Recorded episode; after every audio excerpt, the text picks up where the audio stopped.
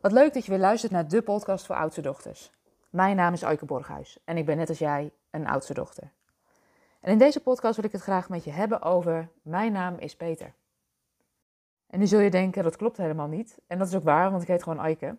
Maar de afgelopen week, eh, van 24 tot 28 januari 2022, hebben Branded You en Woman Inc. alle vrouwen in Nederland opgeroepen om hun voornaam te veranderen in Peter. En waarom nu in Peter? Ze wilden daarmee aandacht vragen voor de ongelijke verdeeldheid tussen mannen en vrouwen op de werkvloer, maar dan met name op de leiderschapsposities in organisaties.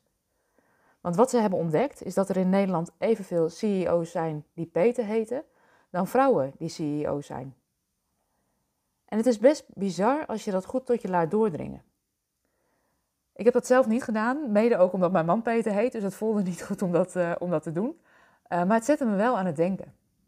Want wat is nou het gevolg van deze ongelijke vertegenwoordiging op de werkvloer op sleutelposities? Wat je ziet is dat die oorzaken van deze ongelijkheid zowel cultureel als systemisch zijn. Zo heeft ongelijke verdeling van werk en zorg tussen mannen en vrouwen een grote invloed op de arbeidskansen van zowel mannen als vrouwen. Maar ook de genderstereotypering is van invloed. En dat staat vrouwen nog steeds in de weg om de top in het bedrijfsleven te bereiken. En minder vrouwen aan de top betekent ook dat er minder rolmodellen zijn. En niet alleen minder rolmodellen, maar dat ook het vrouwelijk perspectief ontbreekt op een aantal plekken in organisaties. Wat je ziet is dat als er meer zichtbare rolmodellen zijn, dat dat bijdraagt aan de keuzes die gemaakt worden in organisaties. Het is dus belangrijk dat er sprake is van representatie op de werkvloer. You can't be what you can't see. Het werkt als een kettingreactie. Als er meer vrouwen doorstromen naar besluitvormende posities, creëer je rolmodellen die een steun in de rug kunnen zijn voor anderen met vergelijkbare ambities. Inclusieve werkvloer is het ook belangrijk dat mensen zichzelf kunnen terugzien in verschillende lagen van de organisatie. Maar wat zijn nou die oorzaken van ongelijke vertegenwoordiging? Wat je ziet is als er een ongelijke vertegenwoordiging is in de besluitvormende posities, dus de posities die keuzes maken, is dat het perspectief wat meegenomen wordt um, niet alle kanten belicht. Want meerdere perspectieven, meerdere perspectieven meenemen in een besluit levert gewoon een beter afgewogen besluit op.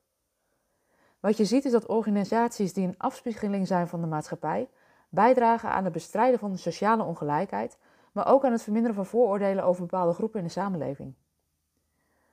Wat je ook ziet is dat feminine waarden een steeds grotere rol spelen binnen effectief leiderschap. En leiders met feminine kwaliteit als empathie, samenwerking en risicovermijding en gerichtheid op lange termijn en versterken van het geheel zijn onmisbaar voor teams die goed willen functioneren in de huidige samenleving. Wat je ook ziet is dat bedrijven die een goede representatie hebben en doorstroom van zowel mannen als vrouwen op topposities in organisaties, dat dat niet alleen een beter gedragen besluitvorming oplevert, maar ook meer financiële winst. Wat je ziet, of wat uit onderzoek blijkt, is dat bedrijven die uh, een genderdiverse leiding hebben, dat die meer winst maken dan bedrijven die dat niet hebben. Als je kijkt naar de actie afgelopen week, dan merkte ik dat ik af en toe wel eens wat in de war was. Op het moment dat ik vrouwen om mij heen zag die hun naam hadden veranderd in Peter. En um, ik heb ook al even getwijfeld van ga ik zelf ook mijn naam wijzigen. En ik heb de keuze gemaakt om dat niet te doen. Ook omdat mijn eigen man Peter heet. En ja, zo'n situatie op LinkedIn waar aandacht voor gevraagd wordt, zette mijzelf ook wel aan het denken. Want als ik kijk naar onze thuissituatie, dan ben ik thuis degene met een eigen bedrijf. En Peter heeft een mooie baan in loondienst. En als ik kijk naar hoe we het thuis doen, de taakverdeling, het samen een gezin draaien, dan doen we dat echt als een team. Ik had mijn bedrijf niet zo kunnen opbouwen zonder de steun en de rots en de branding die Peter is voor mij, ook achter de schermen. Maar bij ons ook is dat niet vanzelf gegaan. Want als ik kijk naar de situatie voordat wij onze dochters kregen, was onze rol- en taakverdeling gelijkwaardig. En dat veranderde in de eerste jaren nadat onze dochters geboren waren. Na het zwangerschapsverlof was de taakverdeling bij ons thuis scheef gegroeid. En het heeft echt wel wat tijd gekost om die balans te herstellen. En meestal gaat dat nu goed.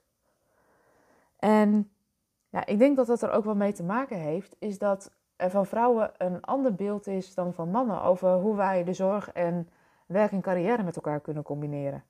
En het zit hem soms in hele kleine subtiele dingen. Op het moment dat er wat aan de hand was met de kinderen in de periode nadat ze kinderdagverblijf gingen, werd ik als moeder als eerste gebeld als er wat aan de hand was. Dat zie ik ook nog steeds op scholen. Als een kind ziek is, wordt vaak de moeder als eerste gebeld. ik denk dat ik daar zelf ook een ehm, rol in heb gespeeld. Omdat ik in het begin dacht, toen wij net de kinderen hadden, dat ik ze beter begreep dan mijn man. Dus in het begin kreeg hij ook minder kans om ook de opvoeding en de taken die daarbij horen voor zijn rekening te nemen. Dus dat is bij ons ook best wel een tijd een zoektocht geweest om het in balans te krijgen. Maar ik geloof ook dat sterke Peters naast die vrouwen op die sleutelposities echt belangrijk zijn om ehm, het verschil te kunnen maken, zodat er meer gelijkheid ontstaat en mannen en vrouwen in de top van de organisaties. Want ik geloof dat je dan een gedragen besluitvorming hebt, meerdere perspectieven meeneemt. En dat is waar ik zelf heel erg in geloof dat dat uh, nodig is voor de toekomst, voor de wereld die we met elkaar aan het bouwen zijn. Bij deze dus een korte uitleg waarom ik mijn naam niet heb veranderd in Peter. Um, dat het een uh, actie was die me aan het denken heeft gezet en ook tot mooie gesprekken heeft geleid in mijn omgeving. En hoe belangrijk het is om als vrouw ook een stevige man naast je te hebben staan die je steunt en die um, het niet meer dan logisch vindt dat jij ook je potentieel leeft, die dingen doet waarvan jij weet dat je het verschil kan maken. En daarmee wil ik deze podcast uh, afsluiten. Dankjewel voor het luisteren en um, tot de volgende podcast. Wat leuk dat je weer luistert naar de podcast voor oudste dochters. Mijn naam is Aike Borghuis en ik ben net als jij een oudste dochter.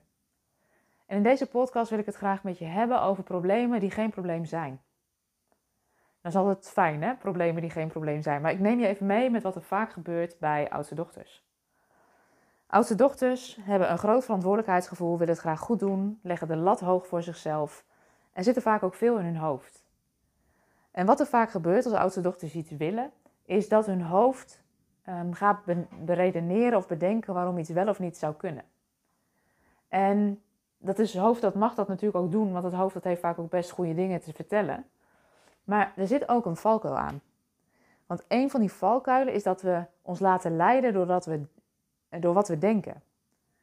En je laten leiden door wat je denkt, zonder het te checken, kan voor problemen zorgen.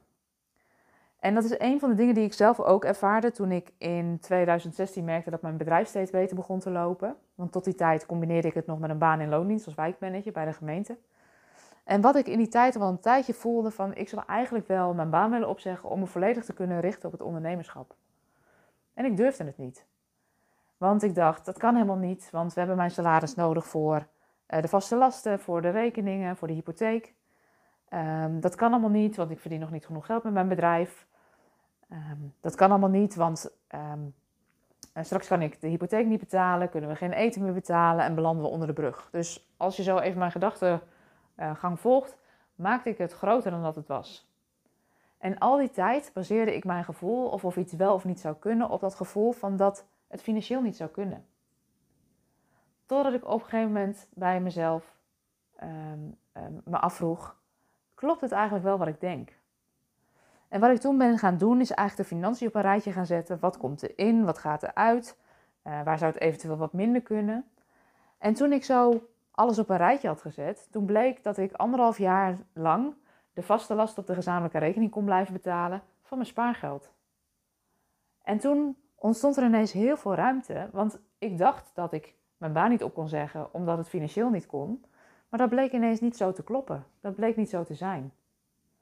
En doordat ik het inzichtelijk kon maken, kon ik vervolgens met mijn man een heel ander gesprek voeren. Van, weet je, ik merk dat ik te druk ben, dat ik eigenlijk niet de moeder ben die ik wil zijn, dat ik gevoelsmatig alles half doe. Ik ben niet die partner die ik wil zijn, ik ben niet die moeder die ik wil zijn.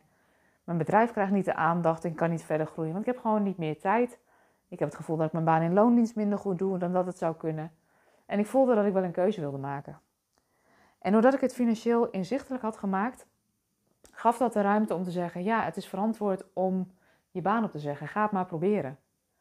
En zo met deze uh, onderbouwing en de zekerheid dat het financieel kon, ben ik de sprong wel gaan maken. Het inzichtelijk maken van hoe je er financieel voor staat als je iets spannends wil gaan doen, geeft vaak heel veel ruimte, omdat je dan ontdekt wat er wel en niet kan. Zo'n gesprek had ik van de week ook met een klant. Zij gaf ook aan van, goh, ik zou eigenlijk uh, een aantal opdrachten niet willen doen, zodat ik ruimte creëer voor een deel van mijn werk wat ik graag wil creëren.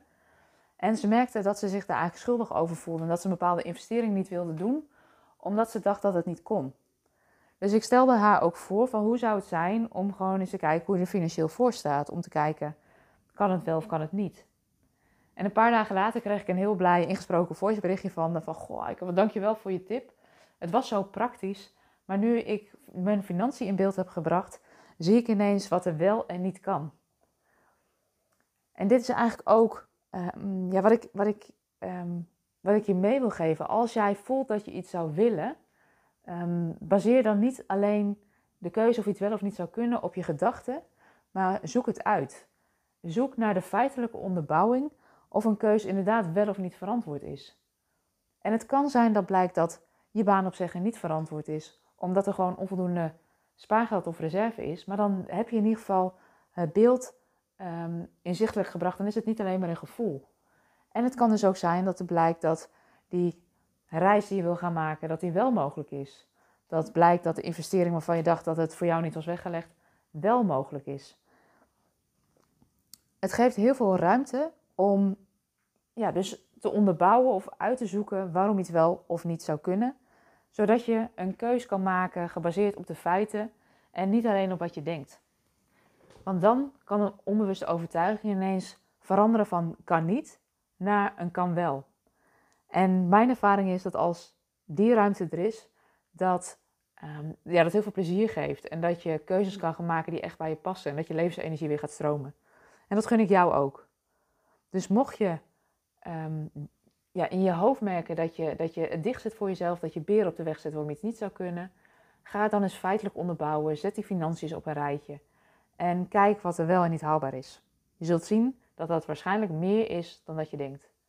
En mocht dat niet zo zijn, dan is het ook een eye-opener om te kijken wat je anders zou willen, wat je anders zou kunnen doen, waardoor die droom op termijn wel reëel is of wel binnen handbereik komt. En daarmee wil ik deze podcast graag uh, afronden. Ik wens je een hele fijne dag en uh, mocht je nog vragen hebben, stuur gerust een berichtje. We horen graag van je. Dat kun je doen door een mailtje te sturen naar info.oudstedochter.com. En uh, waar je ons ook heel erg mee zou helpen, is als je deze podcast zou willen waarderen. En het liefst met een aantal sterren, zodat we nog meer oudste dochters kunnen bereiken met onze podcast. En zo nog meer uh, ja, oudste dochters net even wat inspiratie kunnen geven. Een stukje bewuster kunnen maken. Dus daar zou je ons weer ontzettend mee helpen. Voor nu wens ik je in ieder geval een hele fijne dag en tot een volgende podcast.